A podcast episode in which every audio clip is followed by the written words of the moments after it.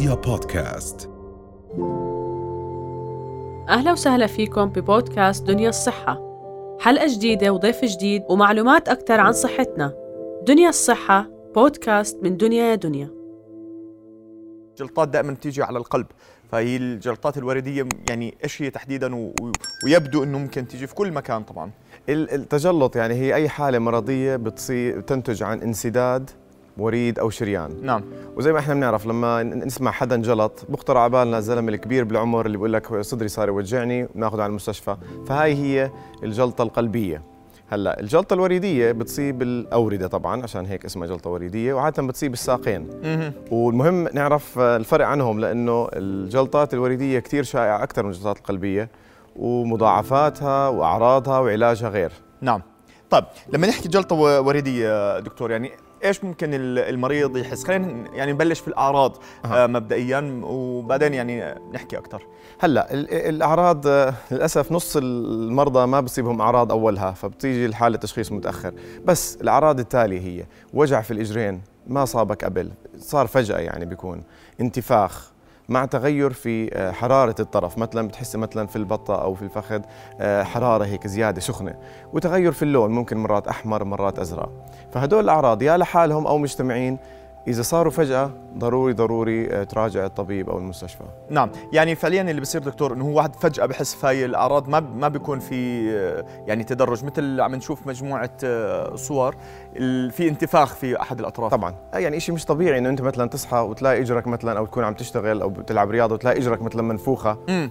غير عن الثانية وهذا نعم. بيجي فجأة يعني مش إنه بيجي على على أشهر أو شيء بيجي مثلا خلال يوم شيء زي هيك أو خلال ساعات وما بيروح والألم نفس الشيء الألم بضل ما بيروح يعني مش زي شد عضلي أو شيء زي هيك. نعم. آه طب دكتور آه في عمر معين مثلا أو أو سبب معين ممكن يؤدي لهي الجلطة ولا لا؟ هيثم هذا سؤال كثير مهم لأنه آه كثير المرضى اللي بيجوني على العيادة بيكون أعمارهم صغيرة بقول لهم والله صابكم جلطة وريديه بقولوا لي دكتور إحنا شو إحنا عمرنا 20 سنة 30 سنة وصابني جلطة إحنا متعودين الكبار. الكل معرض يصيبوا جلطات وريديه الناس الأصحاء اللي زيه زيك يعني مش داخلين المستشفى اللي مثلا الستات الحوامل نعم. اللي عندهم سمنة مثلا آه، الستات اللي باخذوا حبوب منع الحمل الناس اللي بيسافروا فترات طويلة على الطيران كل هدول معرضين يصيبهم جلطات. نعم. هلأ آه، المدخنين طبعا لكل شيء له دخل بالاوعيه الدمويه الدخان مو كويس. الناس اللي عندهم أمراض أو بيضطروا يدخلوا مستشفى سواء لعملية أو لأي شيء إحنا بنضطر ما نتحرك. زي ما حكينا قبل وأنت تفضلت حكيت إنه أي شيء قلت الحركة هاي بتعمل مشاكل. فأي أي سبب أو أي مرض بخلي خلينا ما نحرك إجرينا بيعرضنا يصير عندنا هذه الجلطات. نعم. آه، دكتور شو السبب المباشر للوزن على الجلطات الوردية؟ ليش يعني الشخص لما يزيد وزنه بصير معرض أكثر للجلطات الوردية؟ آه، يعني شوف السمنة هي آفة العصر. آه، الحركة بتكون أصعب. الدورة الدموية بتتغير ومكونات الدورة الدموية بتتغير وبشكل ضغط هائل على الأطراف. سواء زي ما انت تفضلت بالمفاصل قبل كنا نحكي عن الرياضة. وبرضه كمان على الدورة الدموية انت الدم لازم يرجع من الإجرين م. على الدورة الدموية على القلب. وهذا الوزن بشكل ضغط على الأوردة. الأوردة يعني مش صلبه زي الشرايين. فهذا زي بشكل عائق. فأي شيء بشكل عائق على تدفق الدم بيخلي عندنا فرصة الاصابه بالتجلطات م. عالية. يعني الشخص يعني هيك نحن ممكن نفهم شو عم بصير. يعني التروية الدموية أو شكل الدم هو عم بيروح عم بيجي بخف أو بصير عليه ضغط. ما يوصل بطريقة مناسبة بالضبط. بصير في جلطة. أكيد. تمام. طب دكتور إيش ممكن يصير؟ يعني شو المضاعفات هذا الموضوع؟ هلأ آه ضروري حكينا إحنا لازم تشوف دكتور أو تيجي على المستشفى أول ما تصيبك الأعراض هذه. ويا سيدي إذا طلع ما في عندنا شيء أنت شيكت على حالك. لأنه إذا إحنا استنينا لفترة أسبوع مثلا أو أكثر من حدوث هاي الأعراض نسبة إنه هاي الجلطة تنتقل من منطقة يعني بس غير الأوجاع لمنطقة ثانية مثلا تصير مثلا تمتد نعم. أو تنتقل للرئتين أو يصير عندنا مضاعفات ثانية زي الجلطات الرئوية بنسبة 50% نعم. دكتور في زي آه، بقع أو بقعة عم تكبر مثلا آه طبعا. على الرجل هاي بشكل مباشر جلطة. هذه بالضبط هذه بتكون يعني أولها بتصير بصير في عندك المنطقة الإجرين حمر وبصير في عندنا آه، تقرحات مرات إذا تركناها اللي هي مضاعفات. فإحنا بنحكي مضاعفات مثلا الجلطات الرئوية إذا انتقلت من الإجرين للرئتين وبرضه مضاعفات بالساق مثلا المريض بيجيك بعد ست أشهر بقول لك أنا والله صابني وجع بعد آه، قبل ست أشهر وصارت إجري لساتها حمراء وبتوجعني ومنفوخة نعم. وحتى مرات بصير في عندنا تقرحات. فهي المضاعفات المزمنة آثار المزمنة إذا الجلطة ما تعالجت بشكل فوري. ممكن تؤدي للوفاه دكتور؟ طب في نسبة معينة نعم بتؤدي عن الوفاه عن طريق الجلطات الرئوية. طب بشكل مباشر يعني واحد مثلا إذا صابته جلطة في رجله ما عالجها طبعا. ممكن تؤدي للوفاه وبعد بعد قديش مثلا؟ هلا شوف تعتمد على الحالة بس إذا الجلطة ما تعالجت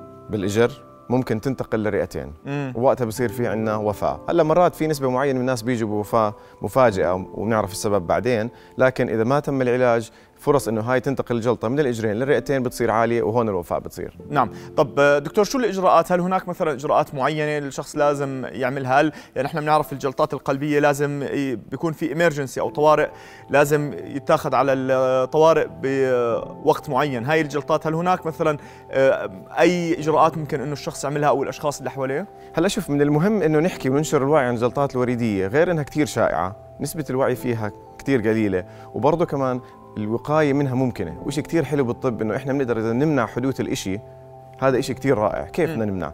الناس الأصحاء مثلا أنت بتسافر سفرة طويلة عندك سفرة لأمريكا أو سفرة طويلة بدك تشرب سوائل كثيرة بدك تلبس جوارب ضاغطة. في حالات معينة زي ما أنت حكينا بتشوفه مثلا بالطيران بقول لك تحرك إجريك تعمل تمارين بالإجرين عشان ما تصير عشان تمنع حدوث الجلطة. نعم. في ناس معينين بنعطيهم مثلا أدوية إحنا في أثناء السفر. المرضى اللي في المستشفى رسالة مهمة لأي مريض بدخل المستشفى. إذا دكتورك ما سألك عن هل أنت معرض يصيبك تخثر إحنا بنعطيه مثلا بنعمل زي score على العمر والوزن وال... والعملية اللي بدك تعملها والمرض اللي عندك. فلازم تنسأل عنه هذا. ليش؟ لأنه ممكن برضه نعطيك أدوية وأنت في المستشفى. نعم. مميعات وجوارب وإلى آخره. فهاي الوقاية كثير مهمة من ما تصير الجلطة وبرضه نمنع من من نعم. بدون مضاعفات طب دكتور العلاج يعني بعد ما تصيب ال- الإنسان هذه ال- الجلطة بنتمنى دائما السلامة أكيد. للجميع. بيتعالج بيرجع طبيعي 100% ولا بضل في أثار؟ هلأ العلاج إذا تم بسرعة نعم النتائج ممتازة وبترجع الأمور لطبيعتها. والعلاجات بشكل عام هي المميعات والأسبرين مو مميع. للأوردة مش مميع للشرايين مميع. بس للأوردة فحدا صابه جلطة وريدية الأسبرين ما بكفي. لازم تاخذ أدوية مميعة على وصفتنا. نعم. في حالات معينة في القسطرة إذا كانت الجلطة ممتدة لمنطقة البطن أو الحوض إحنا بندخل مواد معينة ويتم إذابة هاي الجلطة نسحب الجلطة من داخل الأوردة ل... ل... لخارج الجسم. ممكن بعض المحلات نحط شبكات. ليش؟ عشان صحة الإجر لقدام. بس هذا في حالات معينة. يعني أغلب المرضى بالمميعات يكفي. نعم. آه شكرا جزيلا دكتور. الله يعطيك ألف عافية. يعني نتشكر وجود حضرتك معنا واهلا وسهلا فيك دائما. شكرا. رؤيا بودكاست